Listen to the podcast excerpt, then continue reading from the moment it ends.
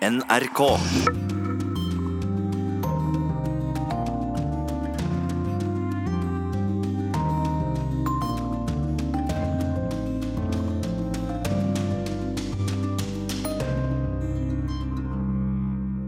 I'm controlling my own thought. I don't need these two massive parties telling me what's right and what's wrong. Mange velgere i USA ser verken på seg sjølve som republikanere eller demokrater, og det er de som kan avgjøre valget. Since I have a majority, I remain as the prime minister. Det er politisk kaos på Sri Lanka. Der er det nå to som hevder at de er statsminister. Og flere franske barn har mystiske misdanninger og er født uten armer. Ultralyden avslørte ikke skaden, forteller moren. Den kom som et sjokk da gutten ble født. Dette er ettermiddagsutgave av Urix på lørdag. Jeg heter Marte Halsør. På tirsdag er det kongressvalg i USA, der kampen står mellom demokrater og republikanere. Men det finnes òg ei tredje gruppe politisk interesserte som en ikke hører så mye om. Og det er de uavhengige velgerne. Vår USA-korrespondent Anders Magnus har møtt noen av dem i delstaten Arizona. Rundt et lunsjbord under akasietrærne i en av Phoenix' forsteder sitter tre independents, altså uavhengige velgere. Dem er det mange av her i delstaten Arizona. En tredel av dem som har registrert seg som velgere, har ført seg opp som uavhengige. Tim Castro er leder for denne litt brokete forsamlingen her i byen. Han sier at det er ikke lett å føre en moderat politisk samtale i disse polariserte tider i amerikansk politikk. Independents generally are fiscally conservative and they have uh, liberal social values. And I think just because you have those doesn't mean you have to be a Republican or Democrat. I don't need these two massive parties telling me what's right and what's wrong. Uavhengige er vanligvis konservative i økonomiske saker, men mer liberale når det dreier seg om sosiale spørsmål. Framfor alt er de opptatt av saker som berører lokalsamfunnet, mer enn de nasjonale kulturelle krigene som føres på nyhetskanalene og i sosiale medier. I am very concerned with the banks in terms of um, protections of the environment. Of, uh... Natalia Ronceria Ceballos er mest opptatt av miljøspørsmål. De to andre nevner utdanning, helse og likestilling mellom kjønnene som viktige politiske saker. Saker som ikke alltid blir berørt i kampen mellom det demokratiske og det republikanske partiet. Men hvorfor ikke danne et nytt sentrumsorientert parti, og f.eks. kalle det De uavhengige? Det er ikke så lett, forklarer Tim. For det første er de uavhengige kanskje de minst organiserte og organiserbare velgerne. Dessuten har de etablerte partiene gjort det ganske vanskelig for nye konkurrenter å slippe til. The.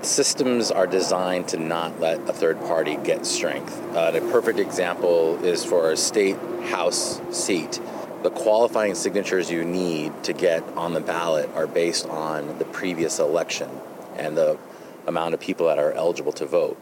If you're a Republican, that number is significantly less than if you're a Democrat because the Republicans control the voting blocks.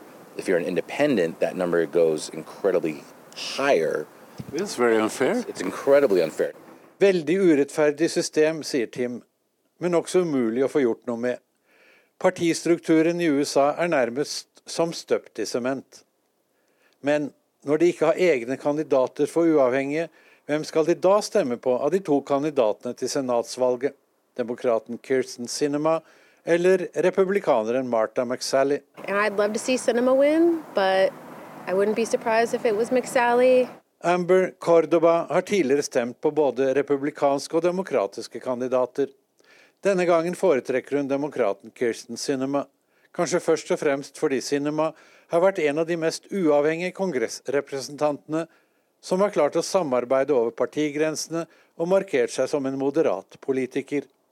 En type politiker som er mangelvare i dagens USA.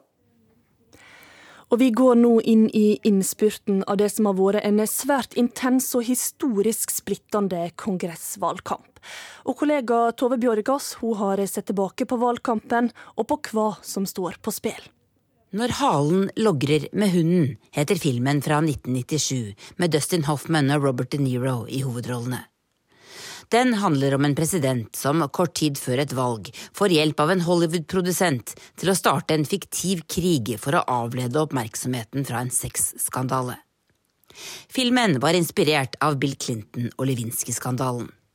Men de siste dagene er den blitt trukket fram igjen.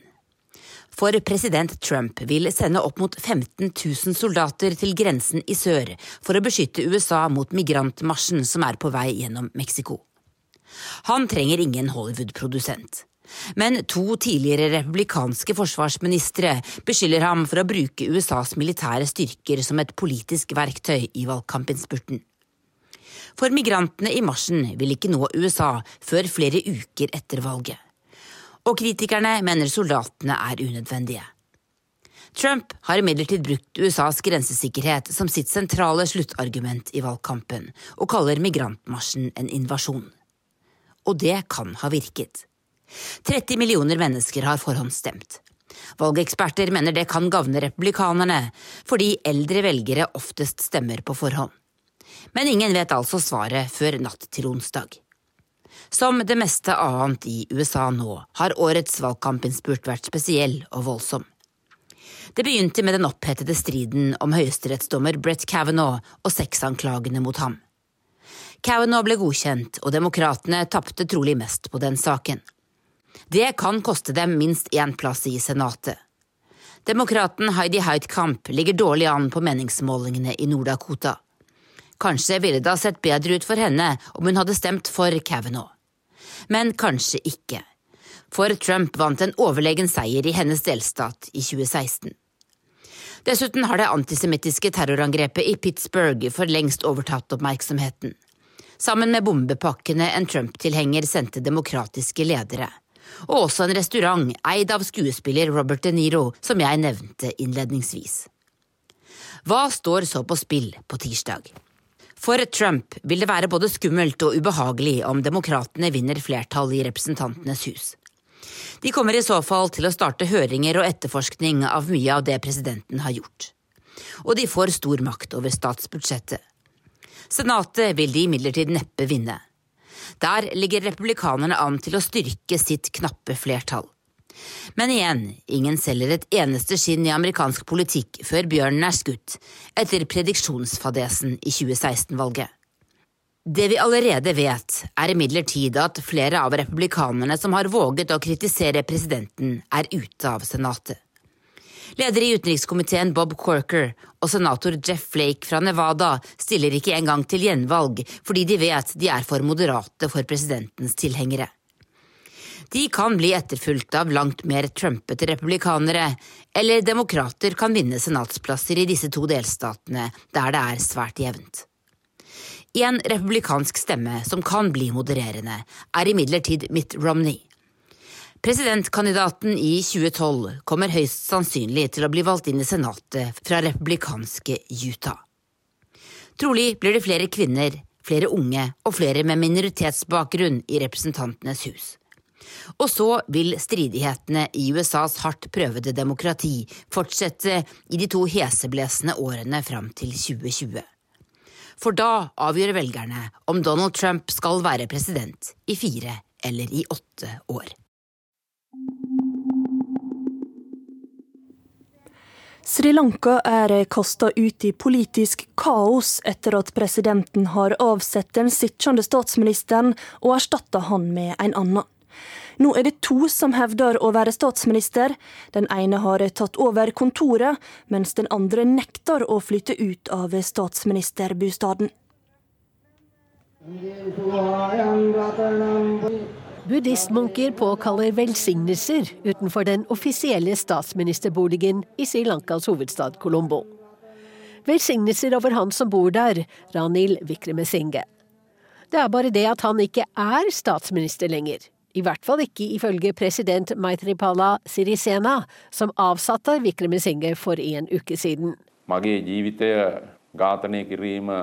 En person i avhør har avslørt navnet på en statsråd som skal ha hatt planer om å drepe meg, var forklaringen presidenten ga i en direktesendt tale til folket sist søndag. Hele regjeringen fikk sparken, nasjonalforsamlingen ble midlertidig opphevet, og Vikremesinges mangeårige rival, tidligere statsminister og president Mahinda Rajapaksa, ble tatt i ed som statsminister.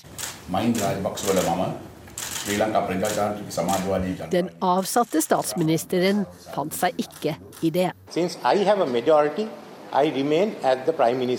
Jeg har fremdeles flertall i parlamentet bak meg, og er ifølge grunnloven fortsatt Sri Lankas statsminister, svarte Ranil Wickremesinghe. Det hører med til historien at det har vært dårlig stemning mellom ham og president Sirisena en god stund. Det er en maktkamp og en konstitusjonell krise som allerede har ført til protester på begge sider og flere dødsfall.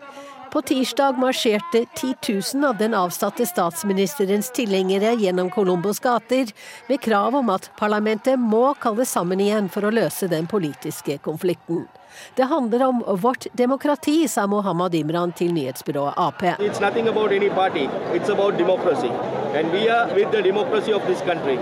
Krisen på Sri Lanka følges nøye, også langt utenfor landets grenser.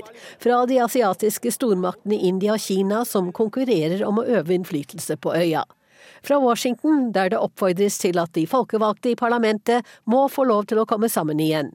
Og fra EU, som er bekymret for hva det kan bety for forsoningsprosessen etter den 25 år lange borgerkrigen på Sri Lanka.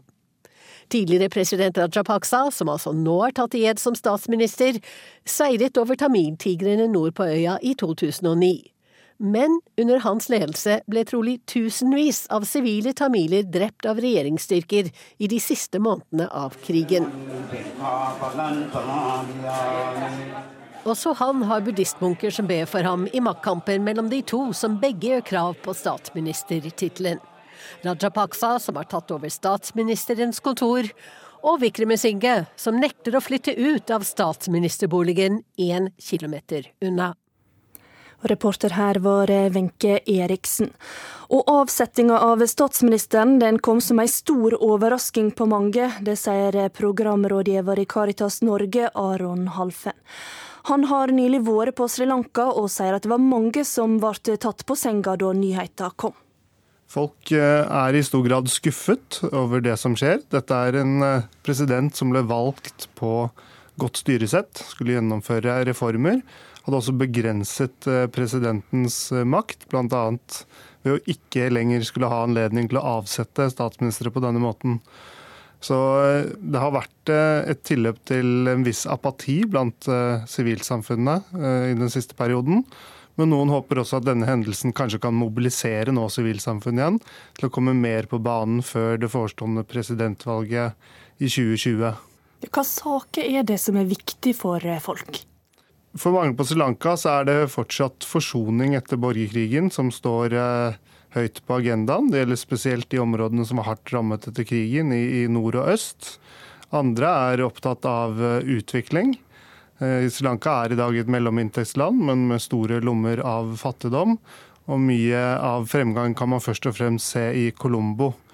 Og det er her også noe av motsetningen mellom den uh, sittende statsministeren og den påtroppende Rajapakse uh, vil bli veldig synlig. Rajapakse i sin tid prioriterte store infrastrukturprosjekter, tok opp store utenlandslån, spesielt med støtte fra Kina som har gitt nå en veldig vanskelig økonomisk situasjon på, på Sri Lanka.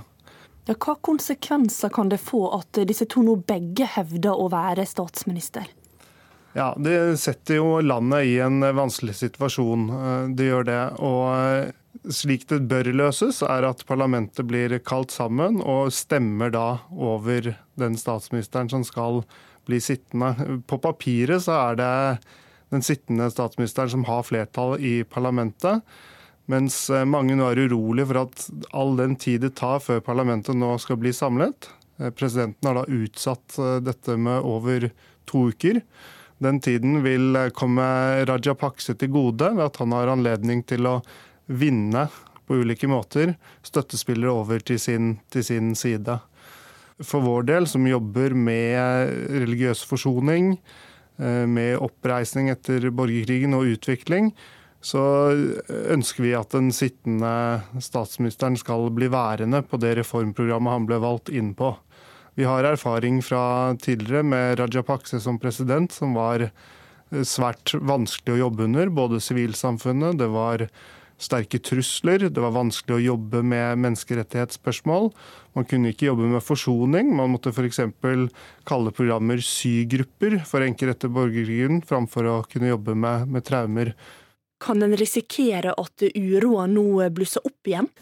Det er det absolutt all grunn til å være urolig for. Eh, Raja Pakse og hans parti klarte ved lokalvalget i februar å få veldig mange stemmer nettopp å spille på etniske motsetninger og religiøse motsetninger.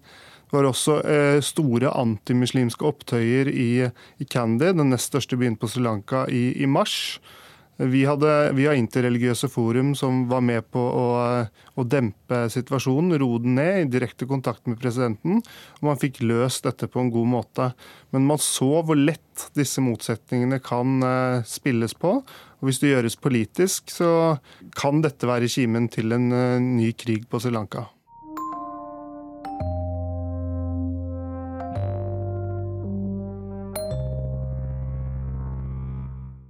Ei lita jente på seks år mangler halve den venstre armen.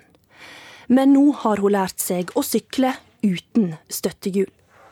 For på sykkelstyret har pappa montert et rør som hun kan stikke armstumpen inn i. 25 barn med sånne misdanninger er fødde i tre ulike områder i Frankrike de siste åra. Men så langt har ingen kunnet gi foreldra svar på hvorfor barna deres er fødde uten ei hand eller en arm.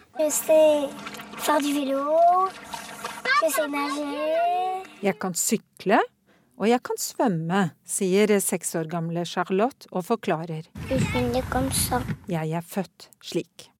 Seksåringen er ett av minst 25 barn i Frankrike som i løpet av de siste årene er født uten en hånd, eller uten en underarm, eller som mangler hele armen. Og det som er spesielt, er at tilfellene av misdannelser er samlet i tre områder. Rundt landsbyen Druyat i Ain, øst i Frankrike, og helt vest i landet, i Bretagne og i Loire. I Gidel, der Charlotte bor, er det tre andre barn med lignende skader. Ordfører Jo Daniel sier det er ubegripelig.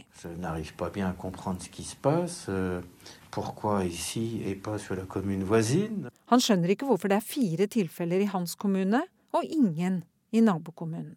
Euh, euh, I un møter fransk TV Axel Lessie. For seks år siden ble hun mor til Louis. Han mangler høyrehånden. Da avisen skrev om en lignende sak, begynte hun selv å undersøke. Og nå viser det seg at det er blitt født 18 barn med slike skader i denne regionen de siste 18 årene. En av dem er Rian. Han mangler også høyrehånden. Ultralyden avslørte ikke skaden, forteller moren Melanie. Den kom som et sjokk da gutten ble født. Meldingene om tilfellene i Æ nådde etter hvert fram til Remera, registeret for misdannelser i Ron-Alp-distriktet. Antallet er langt over normalen. Det sier epidemiologen Emmanuel Lamar, som leder Remera. Hun har bl.a. intervjuet mødrene. Vi har stilt dem detaljerte spørsmål. De eneste fellestrekkene vi fant, er at familiene bor på landet. De er omgitt av åkre der det dyrkes mais og solsikker, sier hun. Undersøkelsen utelukker også narkotika- eller alkoholmisbruk hos mor, og barna er ellers helt friske. De første funnene ble rapportert til sentrale helsemyndigheter både i 2014 og 2016. Men begge ganger ble de møtt med at tallene ikke var signifikante, og advarslene endte med å bli en krangel om tall. Men siden er det blitt registrert enda flere tilfeller, og saken fikk oppmerksomhet i media. Og nå skal det granskes hva som kan være årsaken. Det kan skyldes en kromosomfeil. Det kan ha medisinske eller miljømessige årsaker, eller det kan være en blanding. Foreløpig vet vi knapt hvor vi skal begynne å lete, sier Francois Bourdillon, leder for det franske helsedirektoratet. Emmanuel Amer skuler mot landbruket, mens bøndene i de tre aktuelle områdene sier at de ikke gjør noe annerledes enn kollegaene i nabobygdene, viser Amar bl.a. til et annet underlig fenomen.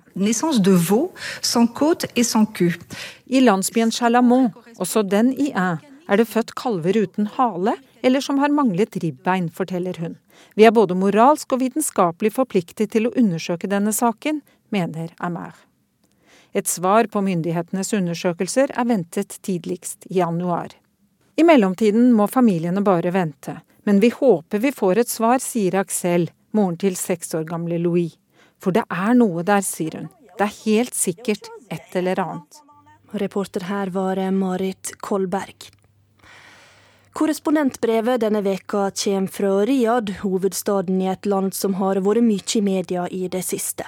Og i brevet forteller Kristin Solberg om orda som forsvinner i et ufritt samfunn.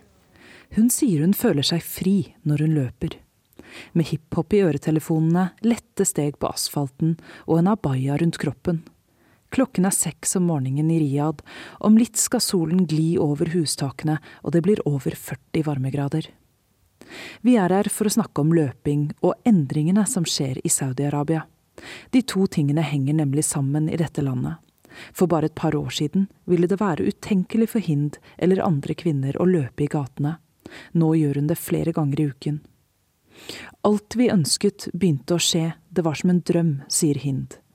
Vi visste ikke at kvinner kom til å kunne kjøre, og så skjedde det. Vi visste ikke at kinoer ville åpne her, og det skjedde.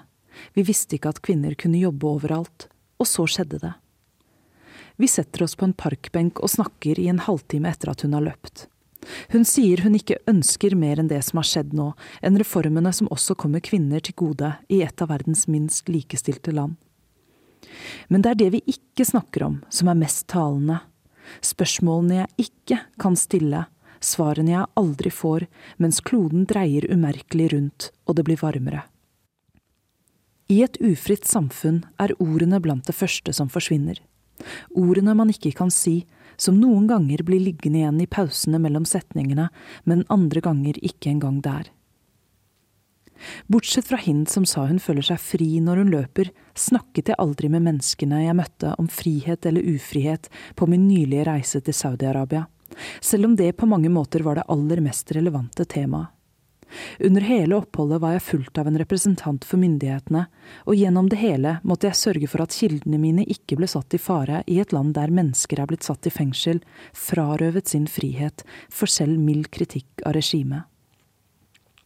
Det jeg kunne snakke om, var reformer, de kronprins Mohammed bin Salman har satt i gang for å få landet bort fra oljeavhengigheten og rette på landets internasjonale image. Et nokså vellykket forsøk inntil Jamal Khashoggi gikk inn på det saudiske konsulatet i Istanbul for en måned siden. Reformene gjør annet at flere kvinner kommer ut i arbeidslivet, og at kvinner endelig kan kjøre bil. De gjør livet litt lettere for 24 år gamle Hind og hennes venninner. Men frihet, det var blant ordene som er borte. Frihet som i ytringsfrihet, frihet som i politisk frihet, frihet som i frihetsberøvelse. Eller friheten til å snakke om frihet. Store norske leksikon definerer frihet slik. En tilstand av suverenitet eller selvstyre for et individ, en gruppe individer eller et politisk system. Frihet er med andre ord det motsatte av å være hindret, kontrollert, tvunget eller hersket over. Men definisjonen sier ingenting om det tyngende tomrommet friheten etterlater seg når den er borte. Noen ganger kan det fortone seg som å løpe i en myr. Andre ganger er det en kvelende følelse av at cellene ikke får nok oksygen. Definisjonen sier heller ikke frihet er muligheten til å kunne uttrykke de ordene man ønsker i den rekkefølgen man vil, man kan la ordene danne setninger som betyr noe, positivt eller negativt. Vi har ikke ytringsfrihet på denne turen, det møter vi ikke i dette landet. Saudi-Arabia ligger på 169. plass av 180 land på Reportere uten grensers pressefrihetsindeks for 2018, bak Somalia og Iran, foran Nord-Korea og Eritrea. Definisjonen på frihet sier heller ikke Frihet som gis i bytte mot andre former for frihet, er ikke frihet, selv om den kan, og kanskje er det også meningen, forveksles med det. Det er to trender som pågår i Saudi-Arabia nå. To trender som viser seg i merkbare endringer på denne turen. Det er bare å stikke innom en kafé der de fysiske skillene som tidligere skulle sikre segregering mellom menn og kvinner, er tatt ned. Eller til et hotell der det er musikk i lobbyen og i heisen. Eller til en av de nye kinosalene i et land der alt dette inntil nylig var forbudt. Og noen ganger, sent om kvelden når rushtiden er over, ser jeg en kvinne bak rattet. Samtidig er det vanskeligere å få folk i tale. Umulig å høre selv mild kritikk, og farligere for kildene hvis jeg spør. På den ene siden friheter gis, frihet til å kjøre, frihet til å jobbe, frihet til å studere uten å få tillatelse fra en mannlig verge, friheten til å gå på kino. På den andre siden friheter skrenkes ytterligere inn. Friheten til å kritisere, friheten til å bevege seg, med fengsel og reiseforbud for opposisjonelle, friheten til å mene og å ytre. Henger de sammen, disse to trendene? Antakelig. For å overleve kan et undertrykkende regime ikke tillate kritikk i en tid der befolkningen har stadig større tilgang til informasjon og ideer utenifra. For å overleve må et regime sikre fremtidig stabilitet i en tid der fremtidige inntekter ikke er sikre, og der en ung befolkning trenger sysselsetting og stimuli. Så hva gjør man? Man gir brød og sirkus, jobber og kino, i bytte mot politisk frihet og ytringsfrihet. Det blir stadig verre. Det er blitt verre siden Mohammed bin Salman ble kronprins og de facto leder. Det er blitt verre de siste månedene. Kolleger som reiste til Saudi-Arabia tidligere i år, intervjuet noen modige kvinner som ytret mild kritikk av typen ja, reformer er vel og bra, jeg er glad kvinner kan kjøre nå, men det er ikke nok, det må gå mye lenger. Så, like etterpå, ble en rekke kvinnerettighetsaktivister arrestert, noen under alvorlige anklager om å true nasjonal sikkerhet. Blant dem var mine kollegers kilde. Det var første gang kvinnerettighetsaktivister ble rammet på denne måten, og i stort antall. Noen uker senere sendte vår produser en melding til en aktivist inne i landet og spurte hvordan situasjonen var, og fikk et apekattansikt til svar. Hun våget ikke engang å si at hun ikke lenger våget å snakke. På flyplassen på vei til Riyadh møter vi en kvinne, en venninne av en kjent aktivist som nylig har tilbrakt tid i fengsel. Tidligere ga hun ofte intervjuer til utenlandske medier, men for å unngå å risikere å sette henne i fare, har vi ikke engang kontaktet henne før denne turen. Nå får vi en anledning til å gi en indirekte melding uten elektroniske spor. Vi skal være der i åtte dager for å rapportere om situasjonen for kvinner. Hils og si at hun gjerne må ta kontakt. Men med ufrihet kommer stillhet, og som ventet tar hun aldri kontakt. Ordene hennes er borte, ikke engang erstattet av et apekattansikt. For å sikre at jeg ikke setter kilder i fare, er jeg nødt til å rette blikket ut fra Saudi-Arabia når jeg skal rapportere om den andre trenden, den Hind og hennes løpevenninner ikke forteller om, den som handler om økt politisk undertrykkelse. Saudi-arabiske aktivister og opposisjonelle i eksil har tidligere snakket fritt, men noe har skjedd. En journalist har gått inn på et konsulat, han kom aldri ut, kanskje ble han partert der inne, og det får konsekvenser også for andres frihet til å snakke. Jeg kan bare snakke anonymt, sier en kvinne som bor i Vesten, og som tidligere har vært mye i mediene. Jeg frykter for sikkerheten til familien min inne i Saudi-Arabia. Andre aktivisters familiemedlemmer er straffet for ordene deres, de er blitt arrestert eller fått utreiseforbud, slik Khashoggis sønn også hadde. Saudi-Arabia har alltid vært mer eller mindre undertrykket, sier aktivisten. Det er grader av det samme, men nå er det virkelig ille. Hun forteller at hun ikke lenger snakker med sin familie gjennom tradisjonelle kanaler, i frykt for represalier mot dem. Og slik brer frykten seg også utenfor landet, og med den stillheten. Ordene forsvinner, også der. Mens noen ord forsvinner, blir andre mer flittig brukt. Reformer er blant dem, som i de økonomiske og sosiale reformene myndighetene sier de vil ha. Mohammed bin Salman er andre, han er på alles lepper i Riyadh, gjerne i samme setning som reformer og fremgang. Som i vi er så glade for å kunne kjøre, vi er veldig takknemlige overfor Mohammed bin Salman. Vi er glade for disse reformene som Mohammed bin Salman har satt i gang. Eller Mohammed bin Salman skal ta oss inn i fremtiden. På nasjonaldagen som vi dekker, veier folk med saudiske flagg og poster av kronprinsen. En kvinne jeg intervjuer gir meg en pinn med bildet hans. Støtter de Mohammed bin Salman, alle disse menneskene? Det er umulig å si. Er jobber og kino nok for å veie opp for den økende undertrykkelsen? Det er et spørsmål jeg ikke kan stille. Ulmer det et sted under alle disse posterne? Jeg finner ikke svaret.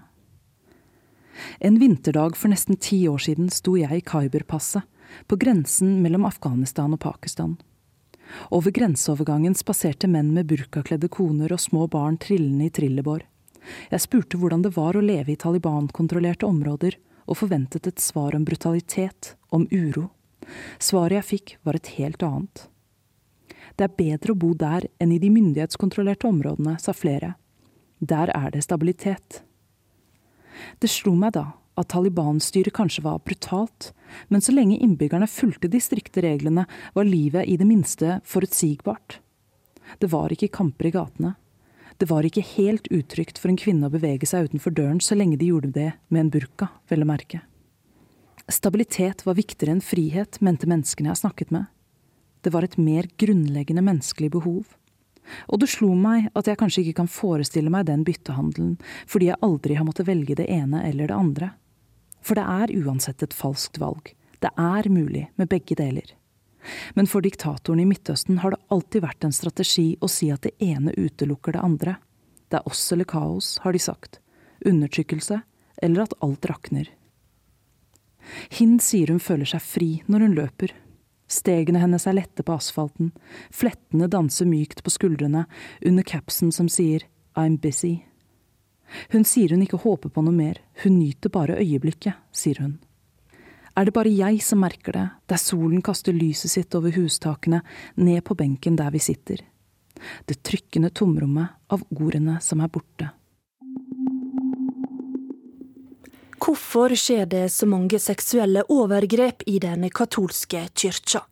Er det sølibatet som gjør prester til overgripere? Disse spørsmåla blir stilte i podkasten du nå skal få høre. I høst må jeg si at jeg har spurt meg sjøl med jevne mellomrom hva i all verden er det som er feil med katolikkene og den katolske kjerka? Du tenker på alle overgrepssakene? Chile, Tyskland, USA, Australia bare nå i høst. Og det eneste svaret jeg har klart å finne, er at den katolske kirken er vel den eneste der prester må leve i, i sølibat. Men de trenger ikke å bli pedofile overgrepsmenn av den grunn? Nei, det gjør de selvfølgelig ikke. Men tror du den katolske kirka tiltrekker seg en bestemt type mennesker? Og hvorfor klarer de liksom aldri å rydde opp i det? Chiedo alla nostra Madre Beata di intercedere per tutte le persone sopravvissute di abusi di qualsiasi tipo e di confermare ogni membro della famiglia cristiana nel risoluto proposito di non permettere mai più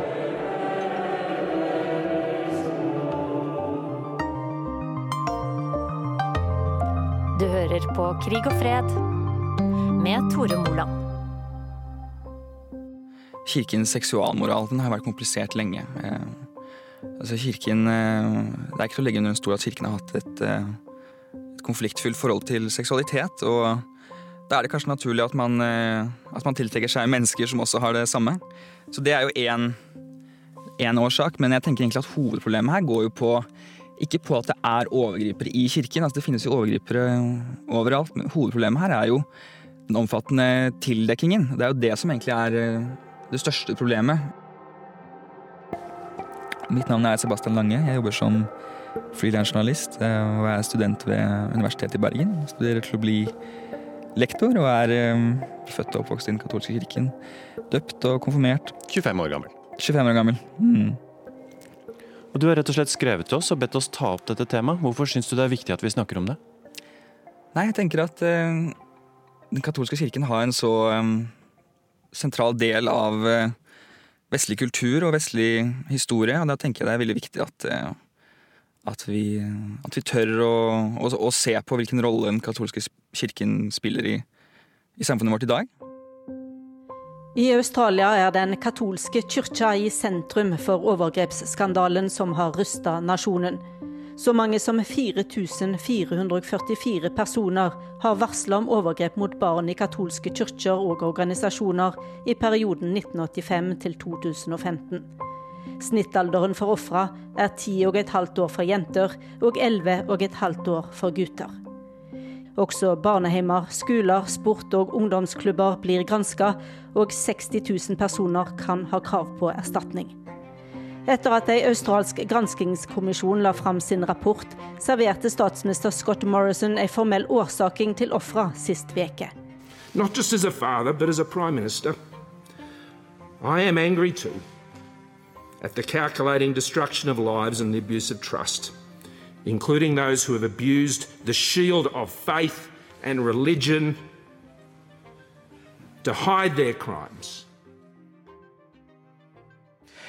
Når det gjelder overgrepssakene, så er det jo etter mitt syn bare én ting å gjøre. Og det er å innse at i disse sakene, uten unntak, dreier seg om forbrytelser. Og forbrytelser skal selvsagt håndteres og overlates til påtalemyndighetene. Kirka må slutte å prøve å ordne opp sjøl, rett og slett? Ja, det er jo, eh, tror jeg, det, det har vel kirka på en måte innsett etter hvert òg. Men denne strategien med å rydde opp sjøl har jo vært fullstendig feilslått. Det kan det ikke være noen som helst uh, tvil om. Navnet mitt er Ola Kjørom, og jeg har vært uh, teologiprofessor i mange år i forskjellige steder og forskjellige land. Nå er jeg uh, såkalt uh, professor emeritus med tilknytning til Universitetet i Agder. Og så har du prøvd å være katolikk i noen år? Jeg har prøvd å være katolikk i noen år, men det ble stadig tyngre for meg. Og etter hvert så konkluderte jeg med at jeg ville vende tilbake til Den norske kirke. Hvorfor tror du at den katolske kirka er så spesielt utsatt for det her? Jeg tror det er mange årsaker og mange grunner til at uh, denne overgrepskrisen har blitt som den har blitt. Et uh, moment er nok at uh, presten har en veldig sterk stilling innenfor den katolske kirke. Forklar. Jo, altså jeg tror katolikker veldig ofte, i hvert fall tidligere, men kanskje også fortsatt, oppfatter seg som en slags sånn nær sammenvevd familie som, som, befinner seg i et overveiende fiendtlig innstilt nabolag, på en måte, og hvor presten liksom er farsfiguren. Og Det betyr at presten får en enorm autoritet, en enormt sentral stilling i, i, folks liv totalt. Altså ikke bare i det religiøse livet, men i folks liv totalt. Og Det fører selvfølgelig til at det er veldig vanskelig å si nei til en prest. Og det er jo flere av disse overgrepsofrene som har gitt uttrykk for akkurat dette her. Altså vansken med å på en måte eh, ja, rett og slett si nei til en prest, eh, nest uavhengig av hva denne presten måtte, måtte finne på. Så det er nok én årsak. Ja, Og så skal jo prestene leve i sølibat i tillegg? Ja, de gjør det kanskje det. ikke noe enklere? Nei, det gjør det absolutt ikke noe enklere. Og det er klart at det, Nå hører vi jo ofte fra konservativt hold at det påstås at det ikke er en sammenheng mellom overgrep og sølibat. Det vet ikke jeg så mye om, og det har aldri sett noen vitenskapelige beviser på det. Men det som jo må være ganske klart, er at sølibatet det oppdrar jo definitivt ikke til seksuell modenhet og seksuell besinnelse. Sånn at eh, jeg tror at det finnes en, en sammenheng her òg. Ja, hva er den sammenhengen da, i så fall? Jo, det består rett og slett i at dette er folk som ikke lever et normalt seksualliv. Et uh, ekteskapelig seksualliv. Og dermed så blir ofte fristelsen i forhold til andre typer seksualitet veldig sterk. Uh, og at det er lite på en måte som kan korrigere den fristelsen. Men da lurer jeg på, er prestene da kåte og ensomme og ulykkelige fordi de må leve i avholdenhet, og så synder de i skam, på en måte? Eller er det organisert, er det et slags fellesskap av overgripere? Ja, altså Jeg tror det er mye, mye snakk om altså en form for ja, du kan godt si en form for ensomhet som, som gjør seg gjeldende. Eh, og at dette er et fullstendig uakseptabelt forsøk på å bryte ut av denne ensomheten. Det kan òg være snakk om eh, generelle seksuelle lengsler. Så er det jo slik at de omgås mye barn, ikke sant, og unge. Der er jo eh, korgutter i ethvert eh, i enhver katolsk menighet og sånn, og det er jo ofte korgutter som har blitt utsatt for dette her. Nå påstås det jo fra tid til annen òg at det finnes et slags uh, homofilt nettverk blant katolske prester som har vært involvert i overgrep. Det vet ikke jeg noe om, jeg har aldri sett noen dokumentasjon på det. I Tyskland viser en granskningsrapport som det katolske bisperådet har bestilt, at minst 3766 mindreårige ble utsatt for seksuelle overgrep av katolske prester i perioden mellom 1946 og 2014. Ifølge granskerne er imidlertid mørketallene store, og det reelle tallet på ofre er trolig fire ganger høyere. Over 1600 prester har ifølge rapporten vært involvert i overgrepene. Og de fleste ofrene var unge gutter. Mer enn halvparten av dem var under 13 år gamle da misbruket skjedde.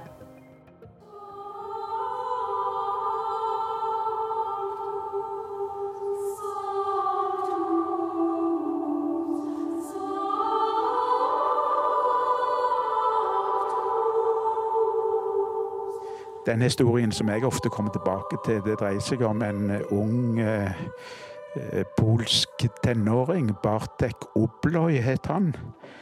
Han eh, begikk jo da selvmord i, eh, i Det var vel i 2007, tror jeg det var. Og han etterlot seg et brev hvor han forklarte at grunnen til denne tragiske utgangen var årelangt overgrep fra den lokale soknepresten sin side. Og så får vi altså vite at vedkommende sogneprest han rakk akkurat å få rette i Bartek sin begravelse før han dro videre til en ny tjeneste. Han ble sendt videre til ja. et nytt sogn, rett og slett? Ja, sendt videre til et nytt sogn. Så det er jo, er jo bisarre ting, altså. I noen tilfeller så, så har en rett og slett bare skyssa overgriperen videre til en ny menighet hvor elendigheten har fortsatt. Det er jo forferdelige greier. I Tyskland så drev de med noen slags sånn, nemlig nærmest kaller det avvenningskurser. De var ikke veldig dyptgripende, det var nokså overflatiske ting.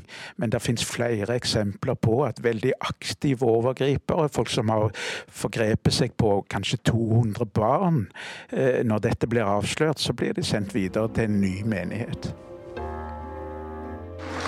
Di noi può esimersi dal commuoversi per le storie dei minori che hanno patito abusi, che sono stati derubati dell'innocenza o che sono stati allontanati dalle mamme Jeg har ingen som helst tvil om at han er fryktelig lei seg for det som har blitt avdekka, og at han, disse beklagelsene hans de er absolutt ekte og, og, og dypt ærlige.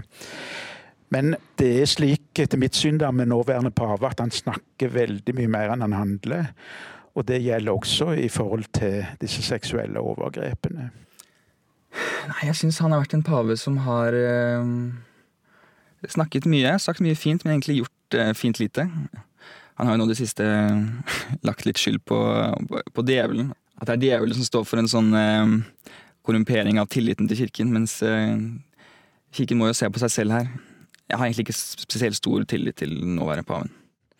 Og nå kom det jo et stort skriv, et brev til verdens katolikker, det, var, det er vel omtrent 20 sider langt, så vidt jeg husker som fikk eh, veldig oppmerksomhet i media, eh, ikke minst her til lands. Og mange antyder jo at nå har de endelig eh, rydda opp etter seg, og nå er tingene i orden. Det må jo skyldes at disse kommentatorene som sier sånne ting, overhodet ikke har lest det brevet det her er snakk om. For her, igjen, altså, beklagelsen er helt sikkert ekte. Men det finnes jo ingen konkrete tiltak som signaliseres. Bortsett fra at paven oppfordrer katolikker til å, å, å praktisere faste og bønn. Og nå har det jo vært en annen sak nå, eh, med utgangspunkt i et brev fra en veldig konservativ erkebiskop som heter Viganot. Og det, jeg tror ganske sikkert at dette brevet fra han Viganot inngår i en slags eh, konservativ kampanje mot paven.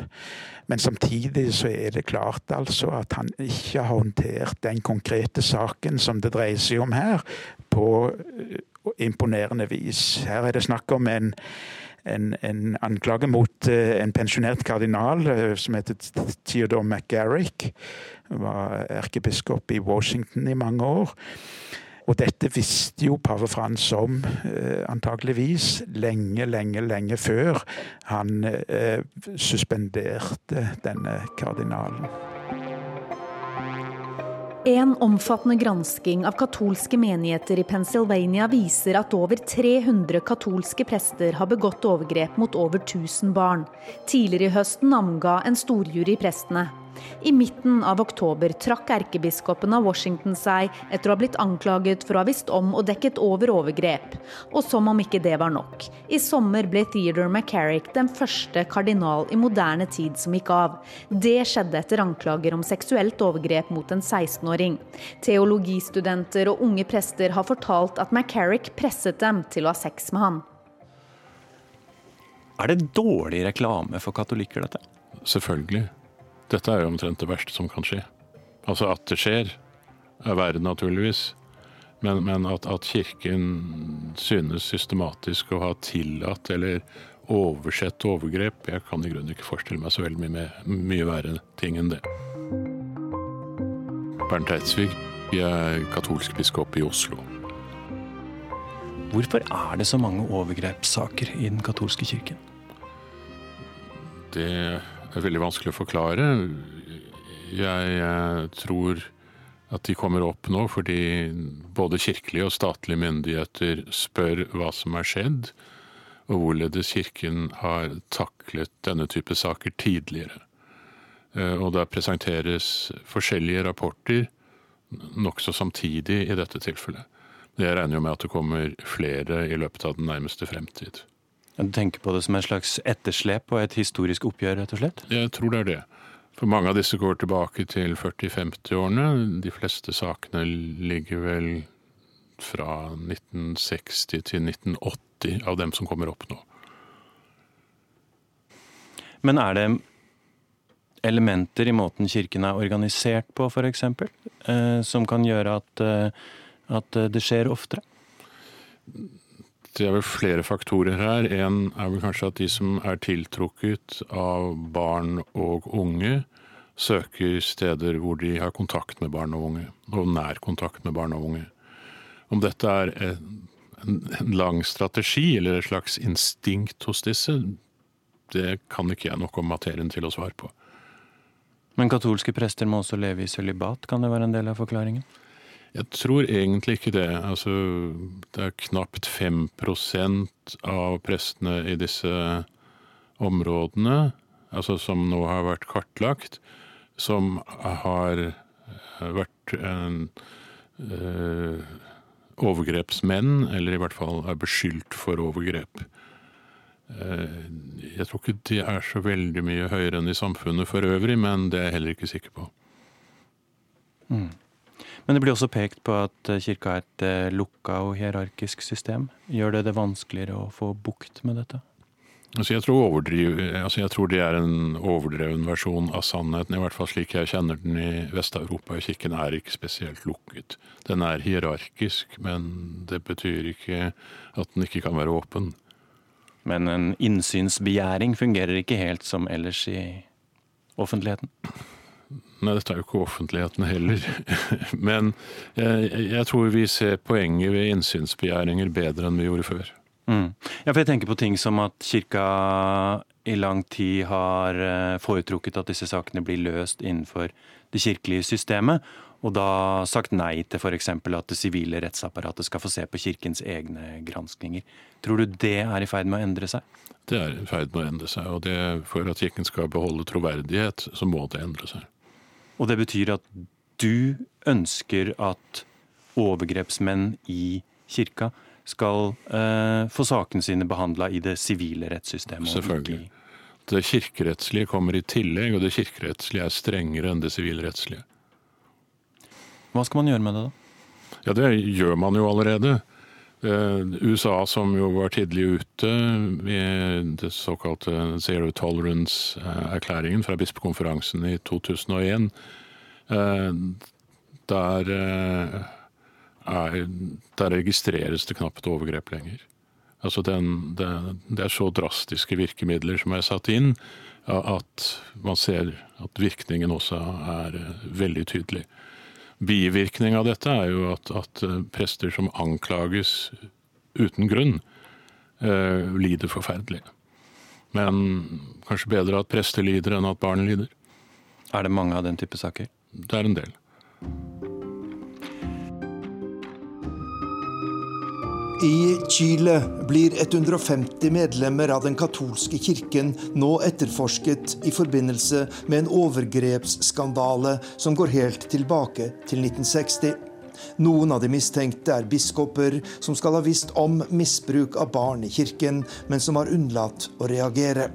Tre chilenske biskoper gikk av i sommer, og en prest som er hovedmistenkt i saken, ble avsatt av paven i forrige måned. Mange ofre har fortalt sine historier i mediene, noe som har gjort et voldsomt inntrykk i det dypt katolske Chile. Nå begynner det jo å dukke opp òg i, i Latin-Amerika, ikke sant. Og jeg tror at eh, snart så vil dette rulle og gå eh, for fulle mugger, eh, kanskje ikke minst i Afrika. Og jeg tror, altså Grunnen til at det så langt ikke har vært avdekket avdekka så mange saker, det eh, er nok kanskje at eh, denne, denne, denne liksom reservasjonen i forhold til å kritisere presten kanskje er ekstra sterkt blant katolikker i Afrika og til dels i Asia. Så du tror det kommer til å bli enda verre? Ja, jeg tror Nå er ikke jeg noen profet i og for seg, men, men, men mye tyder på at eh, det, dette kan snart begynne å rulle og gå i Afrika òg. Eh, og, og, og at vi fortsatt bare har sett toppen av isfjellet. Eh, hvor lang tid vil det da på en måte ta å rydde opp? Det kommer an på ja, hvor, hvor, mye det er å rydde opp i. Vi ble jo tvunget til å gjøre dette i 2010 i, i vårt bispedømme og i Trondheim. Uh, der tror jeg vi har en ganske grei oversikt. Men bispedømmer som har over én million katolikker, uh, har hatt flere tusen prester. Det er klart det er mye arkiv å gå igjennom. Og Hva var kjernen i, i det som skjedde den gang? Det som skjedde den gangen, var uh, altså den tidligere biskopen i Trondheim som var skyldig i, uh, i, et overgrep, eller muligens flere, en del år tidligere. Uh, dette ble kjent i offentligheten. Og, og ja, traff overskrifter, tror jeg, i hele den vestlige verden.